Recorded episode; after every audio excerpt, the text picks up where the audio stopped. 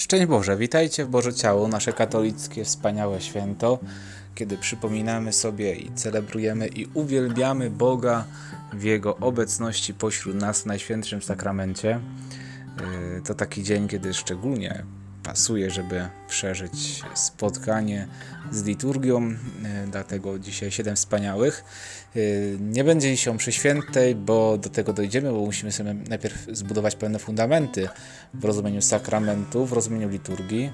Oczywiście ten czas na, na spotkanie się z liturgią Eucharystii jest przed nami. Będziemy ją sobie chyba najbardziej gruntownie ze wszystkich sakramentów omawiać. A dzisiaj coś, co jest też nierozerwalnie związane z mszą świętą, z każdym sakramentem i nawet też z uroczystością Bożego Ciała, Najświętszego Ciała i Krwi Chrystusa, czyli śpiew i muzyka oraz święte obrazy. Kiedy idziemy z procesją, wynosimy różne obrazy, różne figury świętych. W naszych kościołach te obrazy są, dzisiaj sobie powiem, jak śpiew i muzyka ma się do liturgii, jak one pomagają nam w przeżywaniu tej liturgii. No i jak właśnie też na czym polega kult obrazów, co może być czasami dla niektórych e, niezrozumiałe. Dlatego warto, żeby sobie to wszystko poukładać w głowie. No to co, moi kochani, lecimy sobie z, najpierw ze śpiewem i muzyką. Będą dzisiaj omawiane punkty od 1156 Katechizmu Kościoła Katolickiego do 1162. Zachęcam do tego, żeby te fragmenty sobie otworzyć, przeczytać je, e, żeby lepiej kontemplować te różne prawdy. Y, większość staram się omawiać, ale są takie fragmenty, które opuszczam, no bo nie da się powiedzieć wszystkiego, a też zależy mi na tym, żeby nie tylko odczytać, no bo mógłbym nagrać po prostu czytanie katechizmu, a to nie o to chodzi, tylko chodzi o pewne wyjaśnienie pewnych rzeczy. Więc zaczynamy. Śpiew i muzyka, moi kochani. Yy, muzyczna tradycja całego kościoła stanowi skarbiec nieocenionej wartości, wyróżniający się wśród innych form wyrazu artystycznego, szczególnie tym, że śpiew kościelny jest związany ze słowami, jest nieodzowną oraz integralną częścią uroczystej liturgii. I tymi słowami zaczynamy z Soboru Watykańskiego II, Konstytucji o liturgii.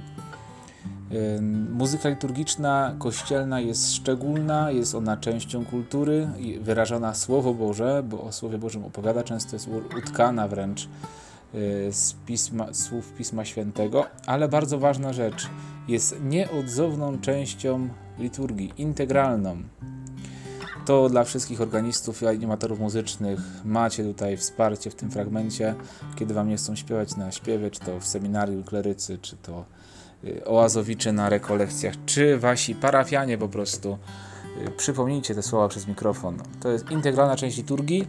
Y, dlaczego? Ponieważ, no właśnie, to jest też Słowo Boże. W ogóle tutaj jest mowa o psalmach za chwilę.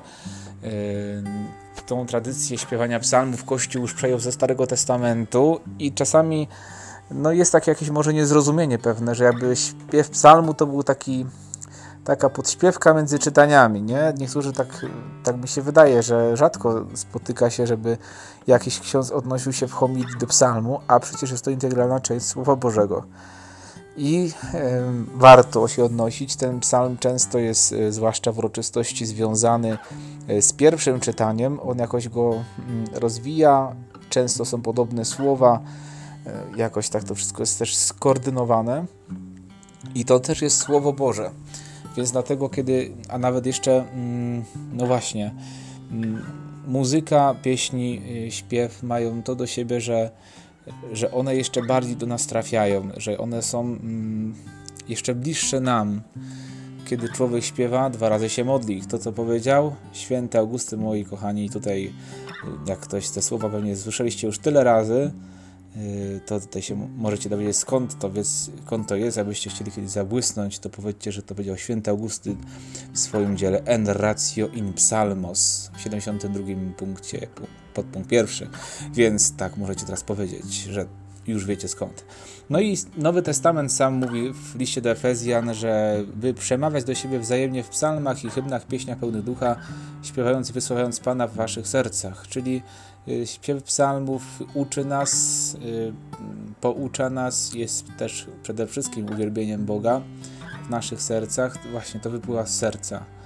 Y, one, mm, to nam pomaga wejść w liturgię, po to właśnie, żeby bo angażuje jeszcze bardziej nasze wszystkie zmysły. Kiedy śpiewamy, angażujemy bardziej siebie, wkładamy to swoje uczucia, bo żeby śpiewać, to trzeba wkładać e, w to swoje serce. Dlatego tak ważny jest śpiew liturgii. E, czasami spotykamy się z takim hasłem oprawy, e, oprawy liturgicznej, że tutaj mm, jakaś schola, dziękujemy za piękną prawę tutaj liturgii, to może dzisiaj słyszeliście w waszych parafiach, jak, jak ksiądz proboszcz dziękował, czy to organiście, czy scholi, chórowi. To jest coś głębiej niż tylko prawa. E, tutaj mamy e, w kolejnym punkcie e, właśnie wymienione za mm, Soborem Watykańskim II funkcję śpiewu jako czynności liturgicznej. Zobaczcie, śpiew jako czynność liturgiczna. Coś, co sprawia, że jednoczymy się z Bogiem, coś, co sprawia, że oddajemy Mu cześć. I tu mamy takie trzy kryteria podstawowe wymienione. Pełne wyrazu piękno modlitwy, czyli właśnie przez piękno melodii wyrażamy mm, piękno naszej modlitwy, to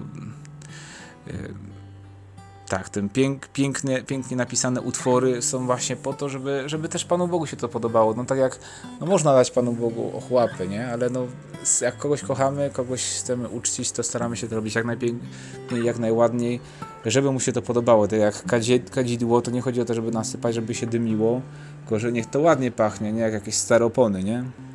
jak kadzidło mm, przygotowujemy. Więc to też jest właśnie, żeby to było piękne, nie? bo czasami patrzymy na taki zewnętrzny efekt. Nawet w Starym Testamencie było taka, że nie można było składać jakichś y, zwierząt, które były okaleczone, były jakieś niepełnosprawne, tylko trzeba było takiego y, składać baranka, który był bez skazy no bo dla Pana Boga należy się to najlepsze, nie to nam zbywa. Tak samo dlatego też jest ważna troska o piękno naszego śpiewu, o piękno naszej liturgii. Dalej drugi punkt, jednomyślne uczestniczenie zgromadzenia w przewidzianych momentach, czyli śpiew jednoczy. Zobaczcie jak to wygląda, nie? Jeżeli wtedy rzeczywiście się wszyscy modlą, wszyscy razem śpiewają jakąś pieśń, którą znają, no właśnie powinni ją znać, dobrze, gdyby mieli tekst przed oczyma, czy to ze śpiewniczka, czy to też z tych ekranów, które dzisiaj e, mamy w naszych kościołach. No i właśnie, mm, to mm, śpiew jest piękny, śpiew jednoczy wszystkich i nadaje uroczystości danej celebracji, uroczysty charakter celebracji, no bo rzeczywiście, kiedy piękne brzmią organy, pięknie chóry, to rzeczywiście to podnosi serce i to też to jest też wyraz naszej troski, miłości e, względem Pana Boga. I uczestniczą one w ten sposób w tym, co stanowi cel słów i czynności liturgicznym, a tym jest chwała Boża i uświęcenie wiernych. To też Sobór Watykański II, czyli przez tę mm, wspólną modlitwę jednomyślną, piękną modlitwę uroczystą oddaje się chwałę Bogu i uświęca się wiernych. Chciałbym, żebyśmy tutaj za świętym Augustynem z jego wyznań mm, usłyszeli tutaj też piękne, piękne słowa. Święty Augustyn to jest taki e, święty od muzyki. E, w swoich dziełach o tym często mówi, dlatego pewnie Benedykt XVI, który e, bardzo też kocha muzykę, też odnosi się do świętego Augustyna. Jakoś go tak czuje lepiej. Mm, jak święty Jan Paweł II był bardziej tomistą, za świętym Tomaszem, tak y, Benedykt za Augustynem. I w Confessiones, czyli wyznaniach, mówi, tu zacytujemy, bo warto te słowa przypomnieć. Ileż razy płakałem, słuchając hymnów Twoich i kantyków, wstrząśnięty błogim śpiewem Twojego Kościoła. Głosy te wlewały się do moich uszu, a gdy Twoja prawda ściekała kroplami do serca, parowało w nich gorące uczucie pobożnego oddania. Z oczu płynęły łzy i dobrze mi było z nimi. Przepiękne słowa, jak on to potrafi obrazowo. Mi się to bardzo podobało w Augustynie. Jego język, jego serce, którym tutaj ten język, tutaj, którym to se, y, serce, które tym językiem steruje. Mhm. Moi kochani, dalej jeszcze tutaj mm, mowa jest o harmonii znaków. Harmonii znaków, jakim jest śpiew, muzyka, słowa i czynności. To wszystko ma sens wtedy, kiedy jest ze sobą połączone. Zresztą myślę, że my ludzie XXI wieku jesteśmy na tym punkcie bardzo wrażliwi. Kiedy oglądamy coś w internecie, czy w telewizji, czy w ogóle nawet na żywo jakiś spektakl, to wiemy jak ważna jest koordynacja świateł, y, muzyki, y, jakiegoś klimatu, który się tworzy i treści oczywiście, które, które są przekazywane, to wszystko musi być ze sobą skoordynowane. Wtedy tak naprawdę to doświadczenie jest takie najpełniejsze. I tutaj to szczególnie widzimy w liturgii. Każda kultura ma oczywiście też swoje znaki, swoją muzykę, swój śpiew, swój sposób chwalenia Pana Boga. Dlatego ważne jest, żeby kształtować, kształtować tą naszą liturgię według też kultury, w której żyjemy. Ale też oczywiście to idzie też w drugą stronę, że liturgia kształtuje naszą kulturę. Ten duch liturgii wyznacza pewien kanon tworzenia pieśni, pewien sposób zachowania i nie może być czegoś takiego jak msze beatboxowe, jak to się lubi mówić, e, nie jest dobrym, żeby na, per, na mszy świętej grała perkusja, jakieś hałasy, żeby były. To jest nie do końca dobry. Wiem, że dzisiaj idziemy w to bardzo mocno, coraz bardziej Y, szczególnie na tych różnych grupach. Y, w ogóle teraz to po dzisiejszym porannym filmie i tych nagraniach to w ogóle niektórzy to mnie wezmą za jakiegoś, nie wiem, antycharyzmatyka, co jest nieprawdą, moi kochani. Tylko musimy odróżnić modlitwy, jakieś tam spotkania modlitewne, koncerty, uwielbienia od liturgii. Liturgia nie jest przestrzenią, gdzie można używać instrumentów, y, które są używane w muzyce rozrywkowej. No cóż, to jest, nie jest scena, tam nie ma miejsca na popisywanie się. Mm, nawet właśnie, nie chodzi o nawet popisywanie się, ale sam właśnie sposób grania tych instrumentów, jak one są wykorzystywane, sposób. Coś mnie dzisiaj dusi. E, nie powinniśmy, nie powinniśmy tego używać. E, jest to nawet zakazane w różnych dokumentach. Jakich instrumentów nie używamy? Elektrycznych, gitar, bębnów, czy, czy innych też takich y, typowo, typowo rozrywkowych instrumentów. Dlatego, że no właśnie, nie? liturgia ma nas prowadzić w głąb spotkania z Bogiem i my wpadamy czasami w taką mm, pułapkę, iluzję, bo, bo że tam msza święta jest taka żywa, no bo jest jakiś tam, nie wiem, gospel. Ja jestem przeciwko go trochę, może tak, nie za bardzo lubię gospel i też nie za bardzo według mnie z tego, co gdzieś tak y, czytam gdzieś o tym, czy słyszałem o liturgii, no to też jakie, jak mnie uczono też przeżywania liturgii. Nie jest to według mnie do końca dobra muzyka do liturgii katolickiej. Może ktoś się ze mną nie zgodzi. Oczywiście to sobie jakoś tam też, no, nie przekreślam, tak, ale, ale według mnie, no i z tego, co też tutaj czytałem w tych różnych dokumentach, to nie do końca jest dobra muzyka e, do liturgii. Ona ma nas doprowadzić do spotkania z Bogiem. E, doprowadzenie do dobrego samopoczucia i takiego rozmodlenia się nie zawsze sprawia, że my spotykamy się z Bogiem, bo co, że człowiek jest rozmodlony, to nie znaczy, że on wyszedł ze swojej głowy i spoza siebie w stronę Boga. Tak naprawdę możemy wpaść w taką, taką pułapkę, że będziemy emocjami jakoś naładowani, będziemy niby się spotykać z Panem Bogiem, a tak naprawdę tego spotkania niestety nie będzie. Bo będziemy się koncentrować tylko na emocjach. O tym trochę mówiłem dzisiaj też rano. To jest trudne. Trudne, bo emocje też są potrzebne, y, klimat też jest potrzebny, co przed chwilą tutaj sobie powiedzieliśmy, ale styl muzyki, y, to jak ona kształtuje, jak prowadzi ludzkiego ducha, to jest taka wielkie, to trzeba mieć wielkie wyczucie, y, a niestety jak tak patrzę na ten nasz kościół katolicki, niestety nawet na te grupy takie bardziej zaangażowane, gdzie bym tak chciał, żeby właśnie już, skoro ci ludzie tak wierzą, tak kochają Pana Jezusa, że oni będą mieli takie wyczucie, to niestety nie ma tego. Może częściej trzeba sięgać do dokumentów Kościoła i słuchać tego, co naucza Kościół liturgii. Ktoś powie, że przepisy są po to, żeby je łamać. Słyszałem takie mm, określenie od osoby zaangażowanej też w Kościele, że te przepisy liturgiczne są, no są, bo są, ale co do doboru pieśni, czy tak czegoś, no tworzymy w tym momencie coś, nie jest, coś swojego, swoją wersję liturgii. Jestem od tego bardzo daleki.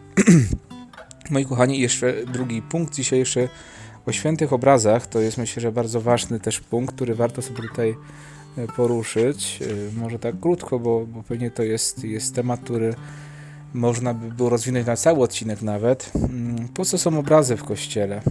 Święty obraz, ikona liturgiczna przedstawia przede wszystkim Chrystusa. Nie może ona przedstawiać niewidzialnego i niepojętego Boga. Dopiero, dopiero wcielenie Syna Bożego zapoczątkowało ową ekonomię obrazów.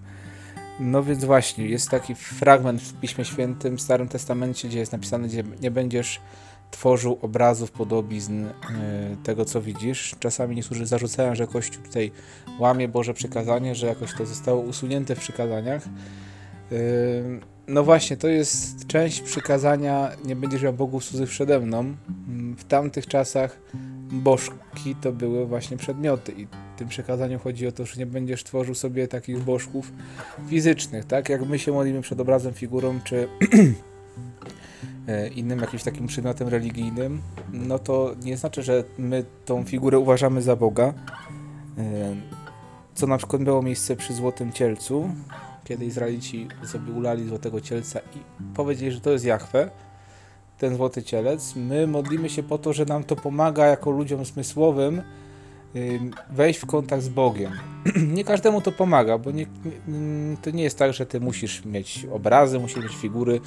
Znam ludzi, którzy bardziej wolą się modlić przed figurą, niektórzy wolą przed obrazem, a są tacy, którzy w ogóle tego nie potrzebują i też mogą żyć, tak? Chodzi o to, że to są jakieś formy, które nam pomagają. Dlaczego jest to uprawnione? Właśnie, bo ikona Chrystusa, Chrystus, Bóg człowiek, tak? W którym Bóg stał się, można powiedzieć, widzialny, Mm, no był człowiekiem, miał jakiś kon konkretny kształt nosa, kształt, kolor oczu, długość włosów. Był po prostu człowiekiem tak jak my, więc da się go namalować. Skąd mamy jakieś te obrazy? Zobaczcie, jest wiele podobnych. I co jest ciekawe, że istniało takie coś jak taki starożytny jeszcze jakiś wzór, na podstawie którego malowano inne obrazy Chrystusa to się też wiąże z Ustum Manopello, z Saunem Turyńskim. te, te wizerunki Chrystusa, pierwsze, mm, które powstały na podstawie nich rysowano kolejne, no bo właśnie też wierzymy, że, mm, że Hustas Manopello czy Turyński jako autentyczne relikwie męki pańskiej przedstawiają, pokazują mniej więcej jak, jak wyglądał Chrystus. W ogóle jest taki ciekawy bardzo film w internecie, jak e, w ile w saunie turyńskim jest ukrytych też innych znaków, obrazów, e, to jakiś Polak zrobił ten film z rok czy dwa lata temu, obrazów Chrystusa nie tylko pogrzebanego, ale również zmartwychwstałego. Poszukajcie, może jak nie zapomnę, oddam w opisie link do tego. Bardzo warto sobie zobaczyć ten film. I tutaj mamy mm, święty Jan Damasceński do nas przemawia. Niegdyś Bóg, który nie miał ani ciała, ani kształtu, nie mógł absolutnie być przedstawiany na obrazie, ale teraz, gdy ukazał się nam w ciele i żył wśród ludzi, mogę przedstawić na obrazie to, co zobaczyłem z Boga. Z osłoniętym obliczem kontemplujemy chwałę Pana. I aby ktoś wam mm, no, zarzucił właśnie, że kult obrazów, to mamy święty Jan Damasceński nam to tłumaczy, dzieło De Sacris Imaginibus Orationes. Jak takie coś powiecie, to, to od razu wszyscy będą wiedzieli, że macie rację. E, I moi kochani, dalej, mm, co przedstawia ikonografia? To jest to samo, co to jest bardzo ciekawy punkt 1160, e, że to, co Pismo Święte opisuje za pośrednictwem słów, to ta sama ikona wyraża za, za, pomocą obrazu. Czyli ikona i słowo są, wyjaśniają się wzajemnie, są, przekazują to samo orędzie Ewangelii, dlatego tutaj mm, to jest po prostu inna forma przekazu. Mm, mówiło się na ten, na malowidłach w kościele Biblia Pauperum, czyli Biblia ubogich. Jak ludzie nie znali pisma, no to patrzyli na obrazy, Y, i właśnie mm, z nich uczyli się Ewangelii. Y, w kościele prawosławnym to też takie szczególne, bo te ikony, ikony właśnie są, są pewnym jakby spotkaniem się jeszcze takim głębszym niż my to patrzymy, mamy nasze obrazy zachodnie są bardziej przedstawiające realnie pewne rzeczy, pewne osoby, postaci, mm, starają się być bardzo Y, podobne do rzeczywistości. Ikony mają różne inne prawa. Nie jestem specjalistą od ikon, więc nie chcę się jakoś tutaj wgłębiać, ale w każdym razie ikona jest takim już pomaga wejść w bezpośredni kontakt, z, czy to z Bogiem, czy z jakimś świętym, przez to właśnie, że jest, jest, jest malowana według konkretnego kanonu. I ten kanon właśnie one się powtarzają. Tak naprawdę ikony są jakieś wzory ikon, które są y, przepisywane właśnie, nie przemalowywane czy rysowane, tylko przepisywane i pomagają nam wejść w kontakt z Bogiem.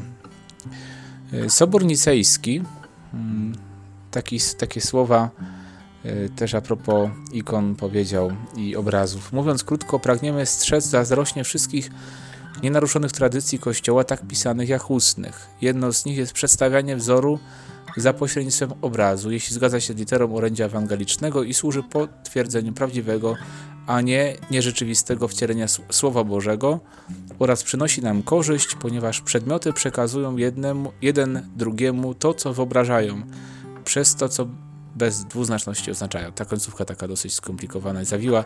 Generalnie chodzi o to w tym, jedn, w tym tych kilku zdaniach Soboru Nicejskiego, że mm, obrazy, kiedy przedstawiają Ewangelię, jakieś wydarzenia ewangeliczne, to pomagają nam rzeczywiście e, to orędzie głosić.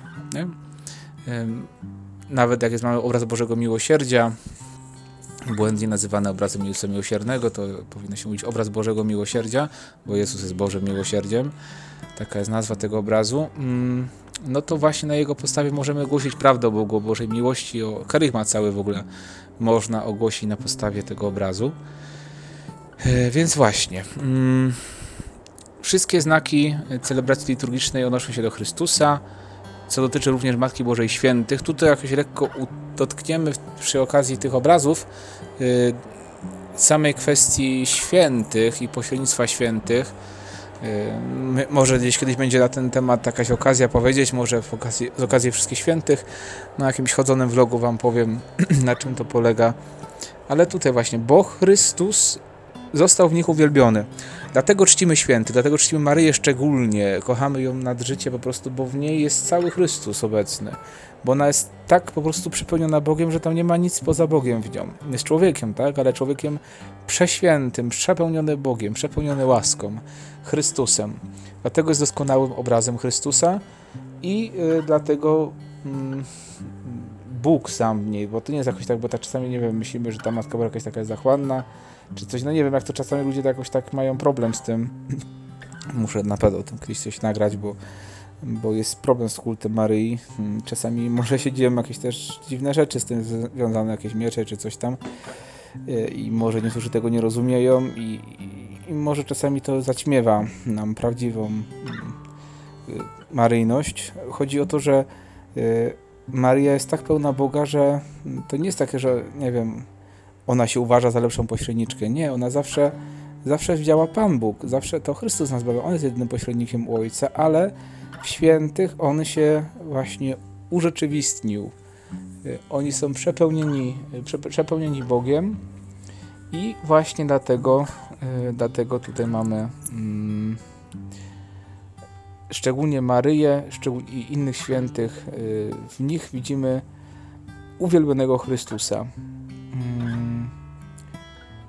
w nich objawił się człowiek stworzony na obraz, właśnie zobaczcie, zostaliśmy stworzeni na obraz Boga. Więc yy, skoro człowiek jest obrazem Boga, no to jeżeli malujemy człowieka świętego, który jest przepełniony Bogiem, to mamy prawo malować taki, taki wizerunek, no bo jest to obraz Boga, tak? Taki który, Boga, który się swoją świętość objawił w danym człowieku, który się urzeczywistnił. Tak to trzeba w tym wszystkim rozumieć. Na jego podobieństwo został przemieniony. I dalej tutaj jeszcze mamy taki fragment, y, to jest święty Jan Damasceński, nie, to jest jeszcze Sobór Nicejski, to już nie będę wam tego czytał, ale zachęcam do tego, żeby sięgnąć do tej wypowiedzi Soboru. Y, I na koniec ostatni punkt, już tutaj mm, tamten zostawiam wam. Y, piękno i kolor obrazów pobudzają moją modlitwę. Jest to święto dla moich oczu, podobnie jak widok natury pobudza me serce do oddawania chwały Bogu. Święty Jan Damasceński, mówiący o obrazach. Piękny kolor obrazów pobudzają moją modlitwę, czyli yy, po to się też modlimy przed obrazem, po to jakoś yy, patrzymy na świętą postać, żeby po prostu łatwiej wejść nam było w tą modlitwę. Jak widzimy na przykład obraz Bożego Miłosierdzia, widzimy Jezusa, który wychodzi do nas, otwiera swój bok, na którego na nas płyną krew i woda, że nam błogosławi, że patrzy na nas z wysokości krzyża z miłosierdziem, z przebaczeniem. Kiedy widzimy ten obraz, łatwiej nam jest yy, wejść w kontakt z Bogiem. Oczywiście nie wchodzimy w kontakt z deską, z tym malunkiem, tylko z Jezusem, którego widzimy. Nasze zmysły tego potrzebują, jest nam to, jest to potrzebne. I jak to się właśnie, zobaczcie, wszystko, kontemplacja tych obrazów, medytacja Słowa Bożego, hymny, pieśni, yy, całe, cała liturgia, wszystko to, o czym mówimy do tej pory, ma właśnie jeden cel, uwielbić Boga i dać nam zbawienie. Yy, moi kochani, zapraszam Was do tego, żeby wchodzić coraz głębiej te tajemnice liturgii. Bardzo się cieszę, że jest takich kilku wiernych słuchaczy i słuchaczy, którzy są zawsze, mm, y, słuchają tych audycji o siedmiu, siedmiu wspaniałych, o sakramentach.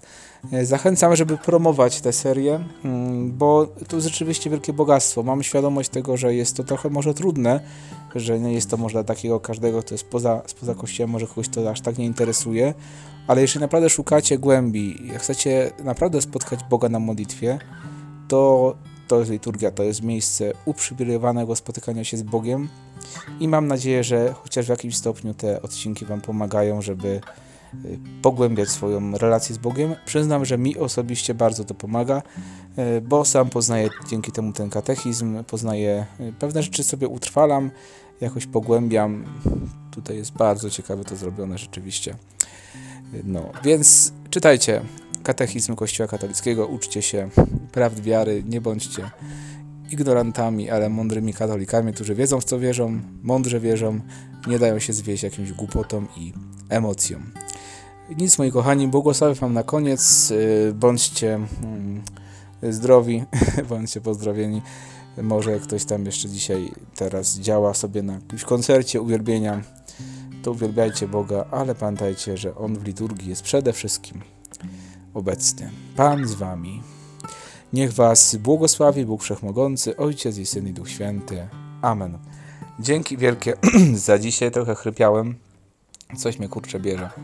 Jakieś tutaj boboki mi atakują moje gardło i nie umiem mówić. Ale no cóż, może się nauczę. Dobrego wieczoru i do usłyszenia, do zobaczenia w kolejnych odcinkach i seriach na kanale Ewangelia po katolicku.